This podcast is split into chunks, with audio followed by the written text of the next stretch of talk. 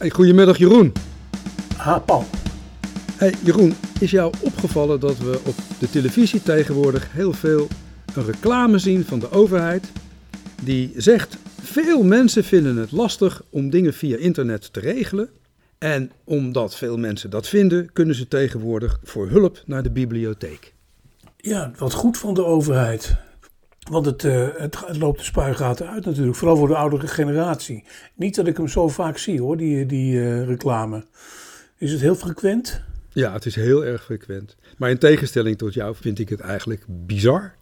Want als tegenwoordig heel veel mensen problemen hebben met internet, met de digitale overheid, en alles gaat tegenwoordig digitaal. En dan zie je zo'n tekst, hè, dan zeggen ze steeds meer dingen. Kun je regelen via internet? Niks ervan. Steeds meer dingen moet je regelen via internet.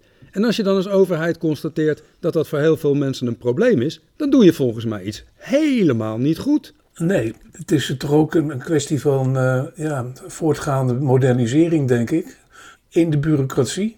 Ja, maar is dat goed dan? We zitten in een tijd waarin het vertrouwen in de overheid heel erg laag is.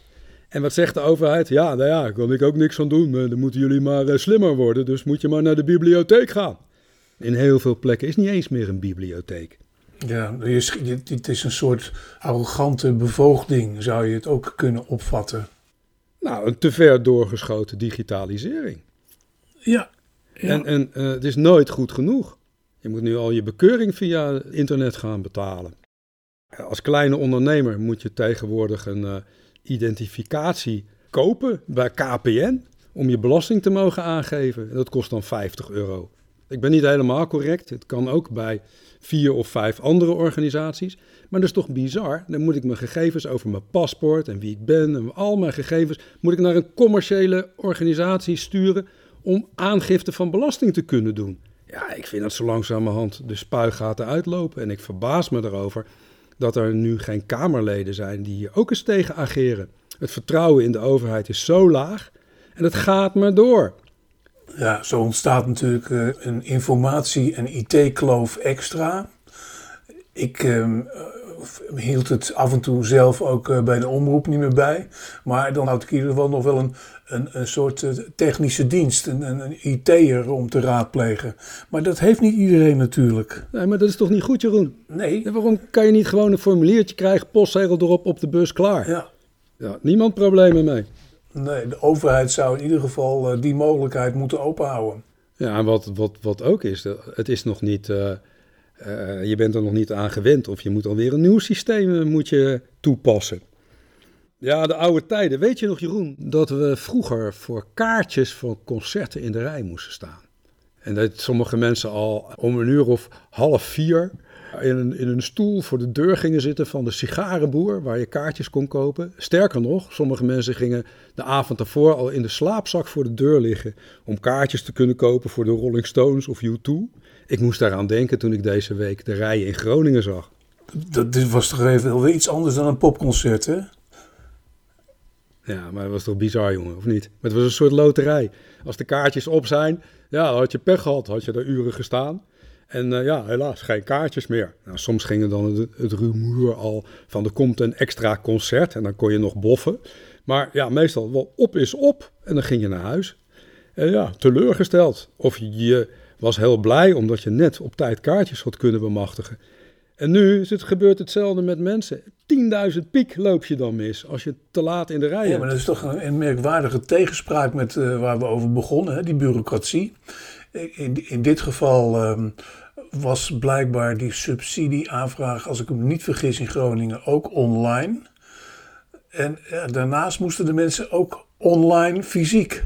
Ja, het was mensonterend. En Zegt ze, wel. Uh, wat mij daarbij ook opviel was de, de gelatenheid. De, de, de, die, die, die Groningse braafheid. Ze, hadden dat gebouw, ze moesten er niet in de rij voor gaan staan. Ze hadden dat gebouw gewoon moeten bestormen. Bij wijze van spreken. Ja, maar die gelatenheid is ook link hoor. Mensen die steeds meer het vertrouwen verliezen in zo'n overheid. Het is een tikkende tijdbom. Nou, ja, in, in Groningen is het natuurlijk niet van de, van de jongste tijd. Hè. Dat is natuurlijk al veel langer. En ze worden er nu alleen maar in bevestigd Overigens haastte die overheid zich dan om alsnog 250 miljoen euro extra in die pot te storten. Maar dan is de schade alweer toegericht. Uh, dan gaat het niet alleen over dat geld, maar gaat het over het kapitaal van het woord vertrouwen. Een heel belangrijke waarde. Want je hebt niet alleen dat je daar in de rijen hebt gestaan, maar ook jij gaat naar huis en je zit er net naast. En je buurman die was een kwartiertje eerder en die gaat met 10.000 euro naar huis. Ja, dat kan toch niet, joh. Het is heel bizar inderdaad dat een overheid die uh, efficiency-slagen inbrengt aangaande het online regelen van dingen, niet heeft kunnen voorzien dat die pot niet toereikend was. Dat moeten ze geweten hebben. Dat kan toch niet? Heb jij er een andere verklaring voor? Ze moeten nu ineens gaan repareren. Ja, maar je weet toch hoeveel mensen in zo'n gebied wonen. En als je een ongericht tegen mensen zegt, ja, u kunt uh, die subsidie aanvragen. Ja, dan doen heel veel mensen dat die in dat gebied wonen. En misschien hebben ze gedacht dat sommige mensen er te lui voor zijn. Maar ja, het is natuurlijk raar. Dan hadden ze veel beter toch eerst kunnen registreren hoeveel mensen in aanmerking willen komen voor een subsidie. En dan de subsidiepot verdelen. Nou ja. Ja, dit is gewoon raar. Dit is niet goed. Slecht begin. Het is een ongelooflijke slordigheid. Nou ja, eh, slecht begin van het nieuwe kabinet bedoel je? Ja, van het nieuwe jaar. Ook, maar de, deze um, subsidieronde zat er natuurlijk al langer aan te komen. Er was al een datum voor. Dus dit is nog van uh, de, de, oude, het oude beleid. Mhm. Het moet door een nieuw kabinet worden uh, verder, verder doorgevoerd. Nou ja, de betrokken bewindsman die uh, nou maar heel gauw naar Groningen. Om niet weer een nieuwe Wiebes te worden, zou ik zeggen. Ja, die komt met een lastige boodschap dat er nog meer gas uit de grond wordt gepompt. dat schijnt dus helaas praktisch onvermijdelijk te zijn, als ik het goed begrijp. Uh, maar leg het mhm. maar uit aan de Groningers. Ja. Heel vervelend. Kijk, Groningers, um, nou ja, ik wil het niet over volkskarakter hebben. Kom zeg, er zijn uh, militante Groningers genoeg, anders was het uh, ook niet zo hoog opgelopen. Maar ja, het is ook een enigszins murf en um, ik denk ook een algemeen collectief ongeloof dat, dat, ze, dat hen dit voortdurend overkomt en dat ze het opnieuw overkomt.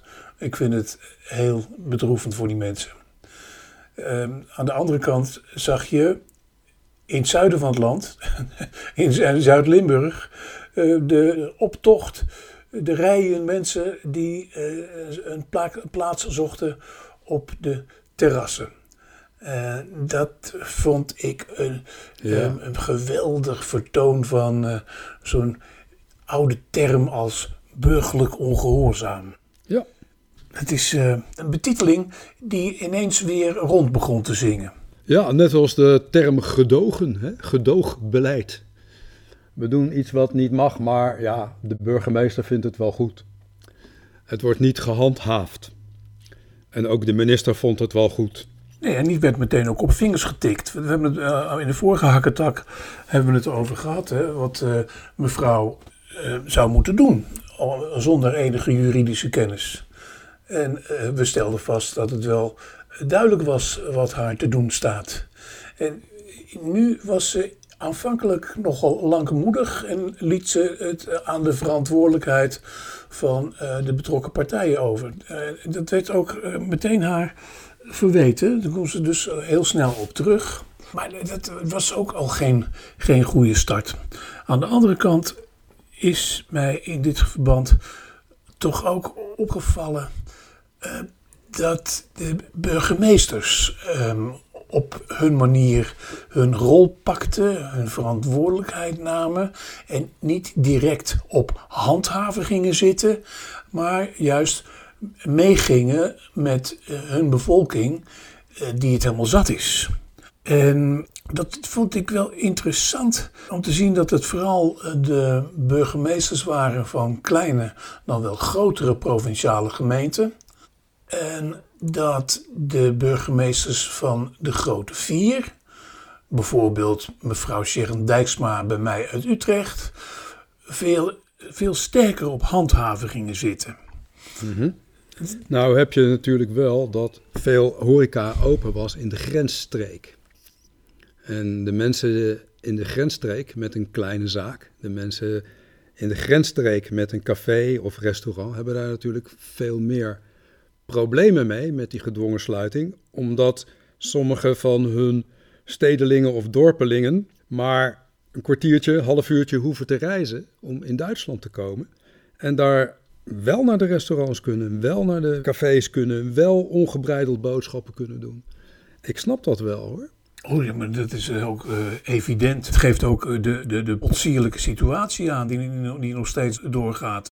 Jij noemt het potsierlijk. Hoe is het potsierlijk? Ik kan me wel voorstellen dat er dat je als je een restaurant hebt, dat je het gevoel hebt, ja, hier is sprake van willekeur. Waarom de winkels wel open, waarom wel massaal naar de supermarkten, waarom wel de grens over, maar wij niet. Dat kan ik wel begrijpen, maar hoe bedoel je potsierlijk? Nou ja, het merkwaardige dat de, wij als enige land in Europa in een, in een merkwaardige lockdown blijven zitten, die nu deels is opgeheven.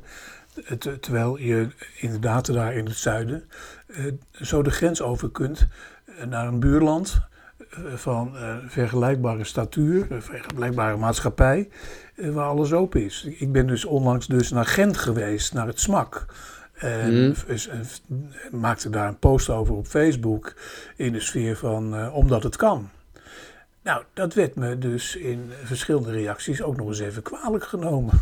Hoe ik had gedurfd als burger om dat te doen. Waarom ik niet fatsoenlijk thuis was gebleven. Dat is dan een, een, deel van de, van de benarde samenleving. Dat aan de andere kant zich probeert te houden aan de regels. Omdat ze ook bezorgd zijn voor hun eigen en algemene gezondheid. Uh, maar zo buitelt dat over elkaar heen. Hè, in, in voors en tegens. En nogmaals, dat vind ik dan uh, bijzonder. Dat er onder burgemeesters ook verschillen in opvatting zijn. En dat eh, burgemeesters um, vooruitlopen in de, in de uh, teneur om alles nu maar weer eens open te gooien. En as we speak, dat vind ik een, een tamelijk bijzondere ontwikkeling waar de overheidsmaatregelen, de regeringsmaatregelen in sommige kringen al werden betiteld als een moderne vorm van dictatuur. Um, nee, uh, in Nederland is men blijkbaar nog zo vrij dat men op het niveau van burgemeesters toch uh, naar een soort eigen versoepeling toe gaat. Ik zeg dat uh, met enige terughoudendheid. Een paar uur open op een bepaalde dag, dat is natuurlijk geen versoepeling, hè? Het is ook door de burgemeesters verdedigd met een beroep op de wet manifestaties, zodat het eigenlijk gezien wordt als een protest. Bijvoorbeeld in Valkenburg weet ik, dan moest om vijf uur alles weer dicht. Nou, in Maastricht mocht het wat langer open. Nou ja, dat is dus, dat is dus een, een, een, regel, een, een, wetsartikel of een, een uitleg. Maar waar ik op doel is dat er dus die burgemeesters, hè, ook, ook zo'n De Pla uit Breda, um, eh, eigenlijk eh, verder zijn, ook luisterend naar hun bevolking, dan de regering en dan burgemeesters van, van de grote steden. Dat vind ik toch, dat vond ik een op. Ja, maar dat luisteren naar de bevolking, er zit natuurlijk toch wel iets raars, hè? Dan we eens even teruggaan in, in onze geschiedenis. Het is wel tijd voor een korte evaluatie, denk ik. Als we teruggaan naar het allereerste begin, in uh, 2019 was dat al, dat is al lang geleden. De berichten kwamen uit China en we zagen daar allemaal mannen met witte jassen.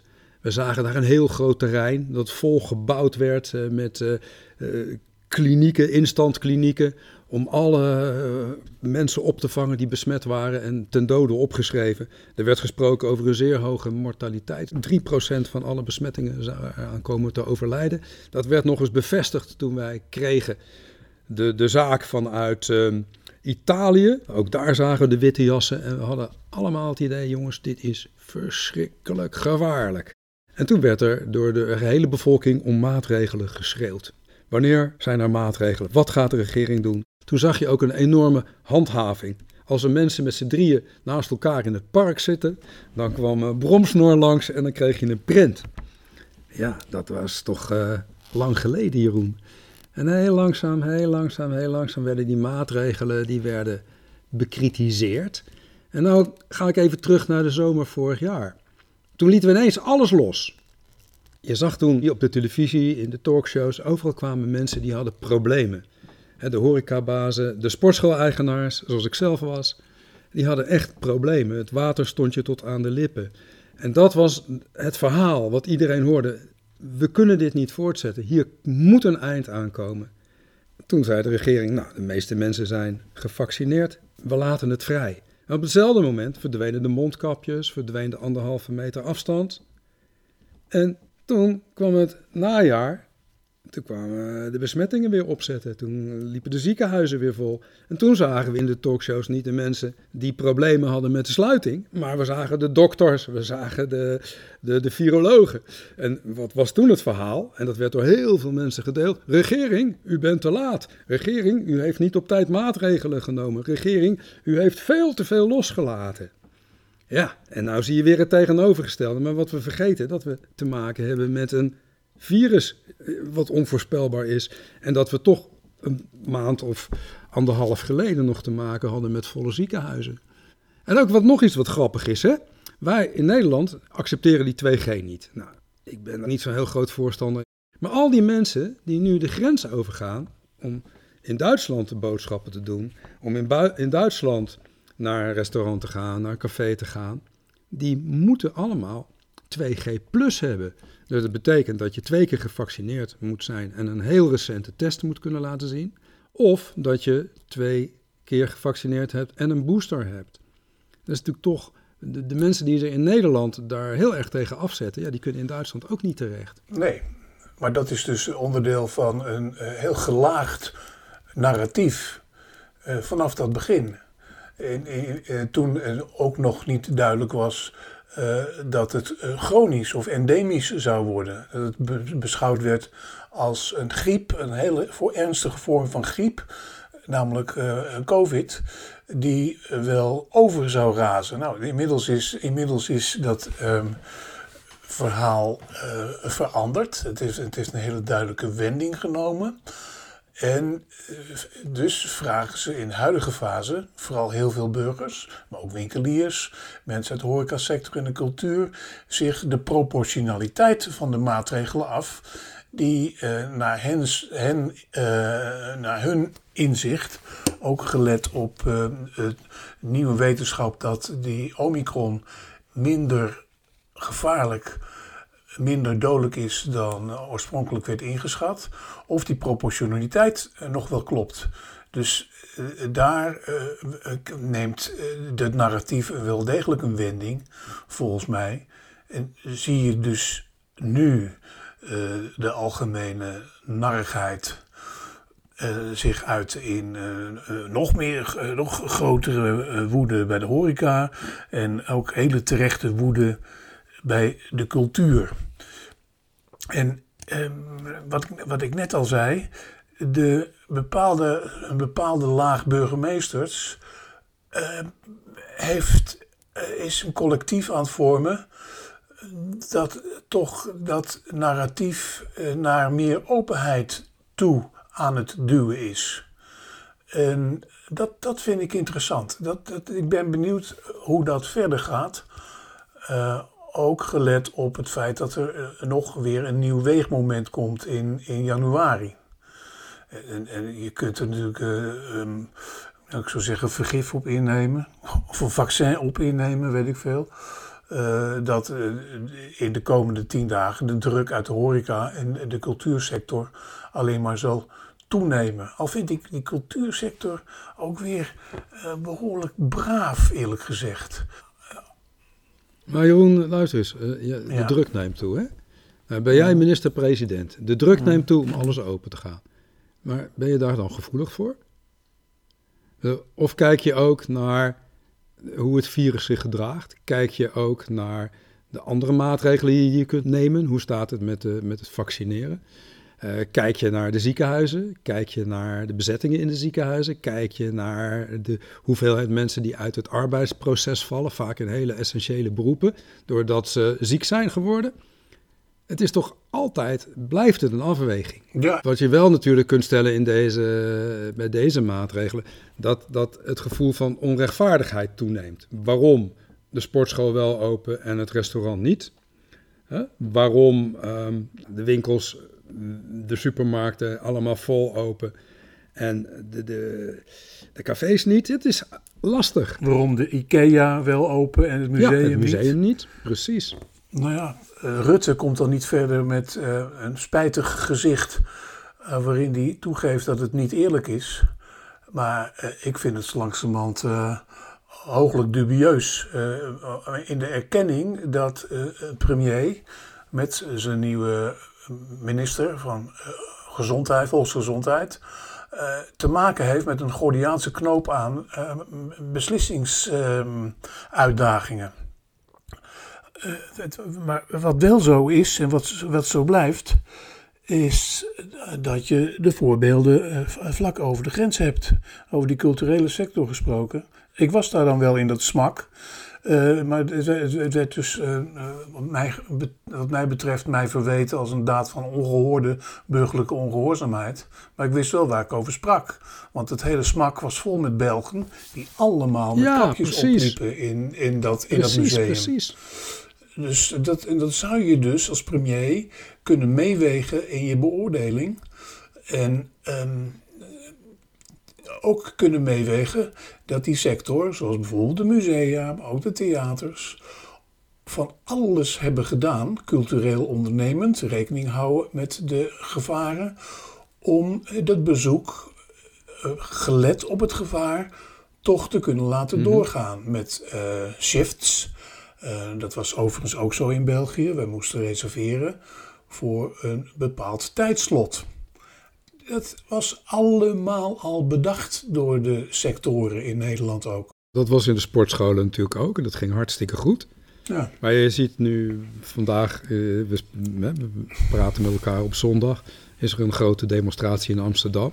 Nou kijk eens, je ziet er nauwelijks mondkapjes. Terwijl ga je eens de grens over, je loopt in de winkelstraat, iedereen Ja. draagt mondkapjes. En dat maakt ook uit. Dat, dat, dat, dat verschil is ook belangrijk. Als je aan dat soort maatregelen gaat houden, als bevolking in zijn totaliteit, dan steun je ook je ondernemers ja, het is toch wel gebleken dat vaccinatie helpt. Het is gebleken dat mondkapjes helpen, dat afstand houden helpt, dat ventilatie helpt. Dus inzetten op dat soort maatregelen maakt de samenleving ook vrij. Al is het gevoel bij anderen dat dat ook weer onvrij is en lastig is te verteren. Nou, het is nog een hele, kno- hele knoop. En dan gaan ze demonstreren zonder mondkapjes. Dat vind ik dan Ja. wel weer de verkeerde burgerlijke ongehoorzaamheid. Ik- Ja, ik- maar dat is een, ehm, een inschatting, hè? dat Ja. is een ehm, geloof. Maar over evalueren gesproken, Paul, we zitten hier nu nog middenin. En we kunnen eh, dat misschien nog beter beoordelen over een paar maanden.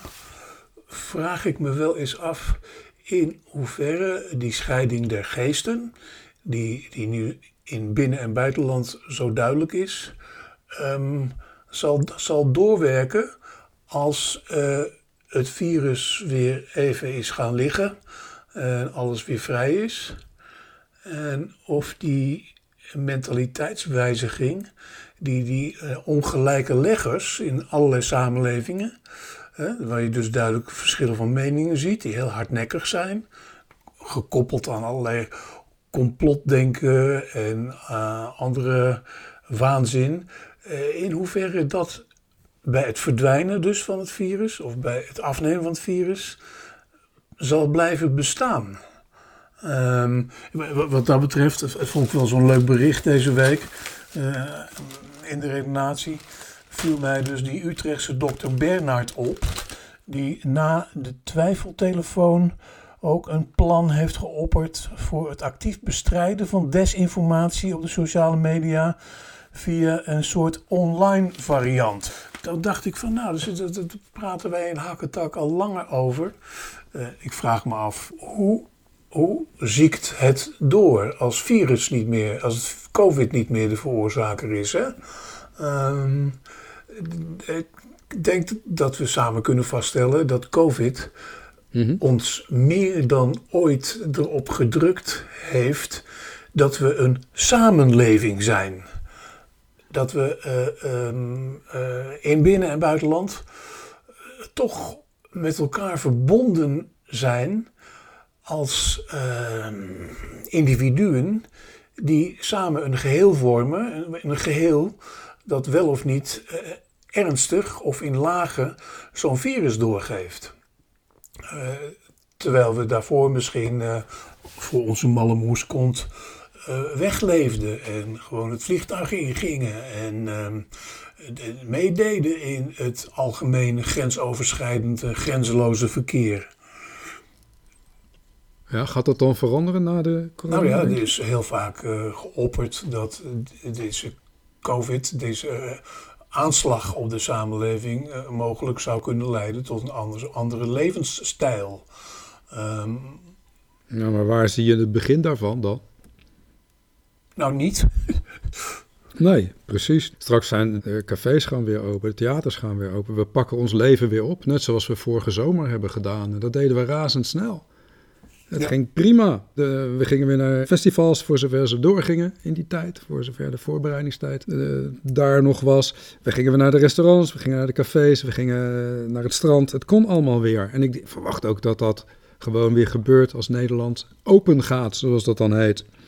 Maar we hebben natuurlijk ook te maken met andere zaken, zoals klimaatmaatregelen. En waar ik me erg zorgen over maak, de snel oplopende inflatie.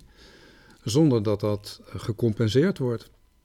De inflatie, eh, als dat niet gelijke tred neemt met het oplopen van bijvoorbeeld het minimumloon of de AOW-uitkeringen, dan krijg je toch grote teleurstellingen, grote problemen in de samenleving. En we hebben eh, vorige week ook gezien die doorrekening van het regeerakkoord. En dan zien we dat die staatsschuld weer heel snel op gaat lopen. En dat belemmert bijvoorbeeld weer het invoeren van, van rente. Mensen die gespaard hebben voor een oude dag, die raken snel hun geld kwijt aan inflatie. Ja, dat brengt ook allemaal onrust. Over die klimaatmaatregelen hè, las ik een paar aardige berichten. Waarvan je kunt zeggen: we spannen hier het paard achter de wagen. Ik noem er even drie. In de gemeente waar ik woon, en ook in heel veel andere gemeenten in Gelderland, in, in Drenthe, in eh, de buurt van Lelystad, daar is het stroomnet vol. Dat betekent dat als je daar huizen wilt gaan bouwen, die niet op het elektriciteitsnet kunnen worden aangesloten, of wanneer je op voormalige landbouwpercelen, zoals hier gebeurt, zonnepanelen gaat aanleggen, die zonnepanelen hun stroom niet kwijt kunnen. Industrieterreinen zijn wat dat betreft vol. Als daar nieuwe bedrijven willen komen, dan moeten ze lang wachten op een stroomaansluiting. Ja, dat is, dat is raar. Dat betekent dat die overgang naar die schone elektriciteit ook niet zomaar kan. En dat we zelfs de energie van zonnepanelen niet kwijt kunnen. Een ander verhaal, dat komt even uit het buitenland, maar dat is één voorbeeld. Het stond in een eh, Duitse krant. Dat Lufthansa 18.000 vluchten zonder passagiers wil gaan uitvoeren, omdat ze anders de landingsrechten kwijtraken op een aantal Europese vliegvelden. Nou, dan hebben we het over Lufthansa met 18.000 vluchten. Maar hoe zit het bij KLM? Hoe zit het uh, bij andere Europese luchtvaartmaatschappijen? Gaan die allemaal hetzelfde doen? Dat is toch heel raar. Vliegtuigen die zonder passagiers maar een beetje rondvliegen, het milieu vervuilen, onbelemmerd CO2 uitstoten omdat ze anders landingsrechten kwijtraken. Dan denk je, overheid, wat ben je aan het doen? Maar het meest fantastische vond ik deze week een verhaal in de NRC van de socioloog Warna Oosterbaan. Die beschrijft hoe lastig het is om op het ogenblik kapotte apparatuur te repareren. Een ander artikel in de NRC eh, vertelde over Miele. Dat Miele zijn onderdelen niet meer beschikbaar stelt aan de gemiddelde reparateur, maar dat je alleen bij Miele voor reparatie terecht kunt met een echte Miele-reparateur, die natuurlijk schreeuwend duur is en veel duurder dan de monteur van om de hoek. Ja, dat was een voorbeeld van iemand die had een stofzuiger en dan was uh, het snoer kapot. Ja, het repareren van die stofzuiger door de leverancier was duurder dan een hele nieuwe stofzuiger. Dus gooi zo'n stofzuiger maar weg. Nou, zo gaat het met van alles. Zo gaat het met zoveel apparaten. Apparaten worden volgestopt met rommel aan onderdelen van, van ondeugelijk plastic die na een paar jaar volledig zijn verteerd. En dan moet de boel worden weggegooid. En deze meneer Warna Oosterbaan die zegt, als je nou al dat soort apparaten, hè, die kleine huishoudelijke apparaten die iedereen gebruikt, als je die nu eens één jaar langer zou laten meegaan, hè, dat scheelt de emissie van 2 miljoen auto's op een jaar. Dus ja, dan denk ik, overheid, wat zit je te slapen? Europese Unie, wat zit je te slapen? Zorg dat apparaten herstelbaar moeten zijn. Dat leveranciers van apparaten deugdelijke reserveonderdelen leveren. Nou, uitstekend voorstel van Warna Oosterbaan. Ja, maar hopelijk wordt daar ook eens een keer op gereageerd. En hoe kan het dat deze verspillingseconomie maar doorgaat en doorgaat en doorgaat? En dat we aan de andere kant miljarden beschikbaar moeten stellen om de CO2-uitstoot terug te dringen, wat waarschijnlijk helemaal niet gaat lukken. Ja, het is een van de talloze paradoxen. Die verspillingseconomie bestaat natuurlijk eh, ook al heel erg lang. En die fabrikanten hebben er alleen maar baat bij. Fabrikanten zijn in sommige gevallen natuurlijk ook een enorme economische factor. Maar is hier ook niet sprake van het ontbreken van een fatsoenlijk politiek tegenwicht? Nee, het is, fabrikanten zijn de baas. Ja, maar dat is, dat, dat is toch absurd, Jeroen? Wil je daarmee leren leven? Nee, natuurlijk niet. Bijvoorbeeld eh, de Lu- Lufthansa. Dat is waanzinnig. Dat is meer dan potsierlijk. Dat is gewoon eh, eh, crimineel. Gelet op wat de, de wereld te doen heeft aan klimaatmaatregelen. Wat dat betreft moet onze Frans Timmermans direct dit, dit verbieden als hij dat, als hij dat instrument in handen heeft. Het is volkomen bespottelijk.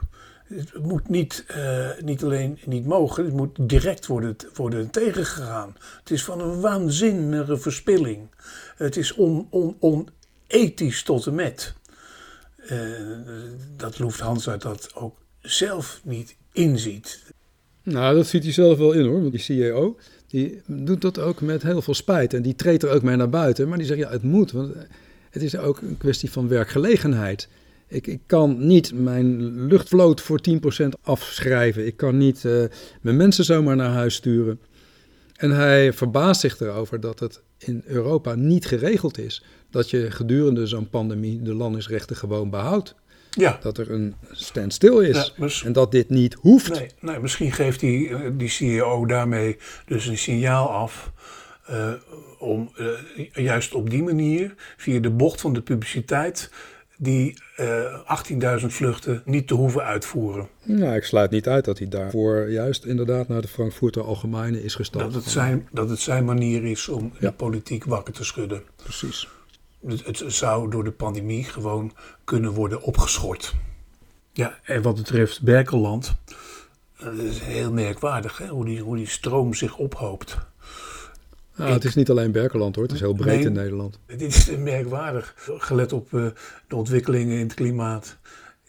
Hier moet, hier moet, denk ik, maar dat weet ik niet, toch technisch een oplossing voor te vinden zijn op den duur. Maar dat kan ook. Er moeten gewoon nieuwe hoogspanningsleidingen worden aangelegd.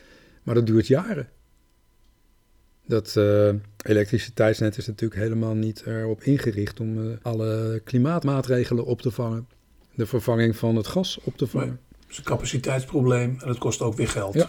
Ja. Wat hoogspanning betreft, ehm, niet dat het zo hoog opliep, maar dat viel mij dus ook wel weer op afgelopen week. Maar dat is een, meer een culturele zin, een historische zin. Eh, het gehakketak over het begrip Bersiap in ehm, zaken een aanstaande tentoonstelling in het Rijksmuseum. Heb je het ook gezien? Ja, ik heb er wel iets van gelezen. Er was een eh, controverse. Maar leg die eens uit, Jeroen. Het is eind van de oorlog. Augustus 1945 roept Sukarno met de zogenaamde proclamatie de onafhankelijkheid van Indonesië uit. Maar tegelijkertijd is het een ongelooflijk broeierig klimaat. Een soort van machtsvacuum waar Nederland de oorlog heeft verloren in de strijd tegen de Japanners. De Japanners eh, eigenlijk de aanstoot hebben gegeven na die proclamatie. Sukarno en de zijnen zagen de kans vrij. En een heleboel semi-militaire Indonesiërs hebben in die periode, moet je nagaan, er was ongelooflijk veel rancune.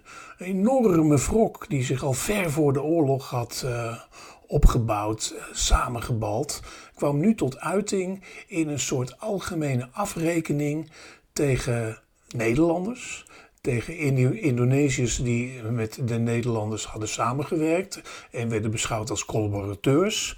Andere minderheden, zoals Chinezen, eh, Molukkers, eh, die werden in een enorme razernij, die een aantal maanden heeft doorge, doorge, doorgewoed, eh, werden over de kling gejaagd. En bij, tien, bij duizenden tot 20.000 heb ik wel gelezen, werden afgemaakt.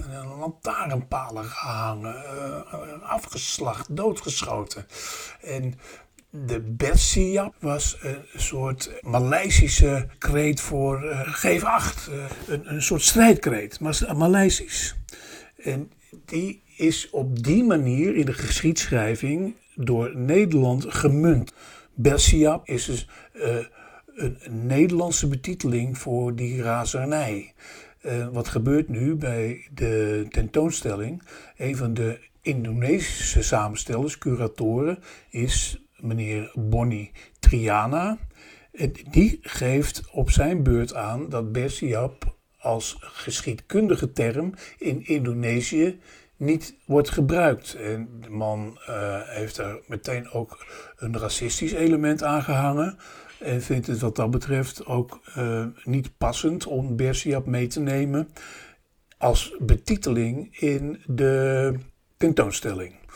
Uh, die Triana heb ik ook gelezen, die uh, maakt zich daar op historische grond druk over. krijg ook enigszins het gevoel dat hij het ook eigenlijk liever niet wil weten. Nou, Taco Dibbets, de directeur van het Rijksmuseum, heeft zich er inmiddels uh, uh, heel nadrukkelijk over uitgesproken dat ze het begrip Bersiap gewoon overeind houden en als historisch onderdeel gewoon ook meenemen in die totale geschiedenis van de onafhankelijkheidsstrijd in Indonesië. Nou, dat, dat vind ik historisch een goede afweging. Uh, alleen denk ik, uh, om, het verhaal goed te vertellen, uh, dat ze eraan zou kunnen aan, aan zouden kunnen toevoegen dat het in, in, in, in, Indonesië zelf weer een andere lading heeft dan die Nederlandse betiteling. Maar neemt niet weg dat die moordpartijen, het was een soort genocide, domweg feitelijk hebben plaatsgevonden. Dus je kunt er niet omheen. En dat het vervolgens gevoelig ligt in Indonesië, dat snap ik ook wel. Je kunt het niet verdoezelen. Hè? Net zoals dat paneel op de, gouden, op de Gouden Koets. Het is er nu eenmaal. Het, dit paneel op de Gouden Koets, dus deze week heeft uh, Willem-Alexander het is een beetje naast elkaar gelopen. Hè? Uh, het verhaal en de opvattingen over de Gouden Koets zijn weer helemaal los van het historische feit van die, van die Bersiap. Alleen dat paneel, dat was er altijd al. En is door de nieuwe inzichten en de nieuwe bezwaren tegen dit soort afbeeldingen beladen geraakt. Ik vind het heel, heel interessant. Alleen vind ik zelf dat je de historie wel moet laten zoals die is. Bij wijze van spreken gewoon in zijn waarde moet laten. Hoe erg ook. Ja, daar ben ik met je eens, Jeroen. Je kan niet zomaar uh, termen in één keer helemaal weglaten als ze voor sommige mensen een duidelijke lading hebben. Wel belangrijk is dat ze geduid worden. Je had het net over die excessen, waar ook in Indonesië lang niet mee is geleefd. Nou, die excessen, daar hebben we in Nederland ook lang niet mee geleefd. In 1969 was het toch, dat we de excessennota. En toen zijn we eigenlijk pas begonnen aan de beschrijving van de geschiedenis zoals die in Indonesië heeft plaatsgevonden na de oorlog. En die is blijkbaar nog steeds gaande. Het is heel menselijk, denk ik. Het is een psychologisch uh, mechaniek om dingen te ontkennen. Uh, Nederland is na de oorlog, ook met de rug naar de oorlog, toegekeerd, weer bezig gegaan met de wederopbouw. Indonesië werd daarin meegenomen omdat het zo'n belangrijk economisch onderdeel was van het hele, Nederlandse, de hele Nederlandse economie. Ja. dat ze het verloren was een, een psychologische nederlaag van je welste. En die hebben ze dus ook daarom maar zo snel mogelijk willen vergeten. Uh, inclusief alle wandaden die waren gepleegd. En er is een bepaald soort termijn voor. In dit geval was het een jaar of twintig. En destijds is toen de uh, ex-militair Huting voor de VARA-televisie naar buiten gekomen wat, wat er gebeurd is. En nou ja, moet je kijken, het is nu uh, als, uh, al meer dan 70 jaar later dat het onderdeel wordt van zo'n tentoonstelling. En dan zie je toch weer hoe gevoelig dat is. Ja, natuurlijk, het was vreselijk. Het was onmenselijk. Het was een moordtijd, het was genocide. Nou, alleen daarom de hoogste tijd dat dat museum weer eens open gaat. Dat we weer naar het Rijksmuseum kunnen om deze tentoonstelling eens te gaan bekijken, Jeroen. Nou ja, um, het Rijksmuseum doet daar goed aan. Mooi. Jeroen, we zijn weer bijgepraat. Tot volgende week. Ja, blijf leren. Ja, heel wijs. Dag. Hoi Paul.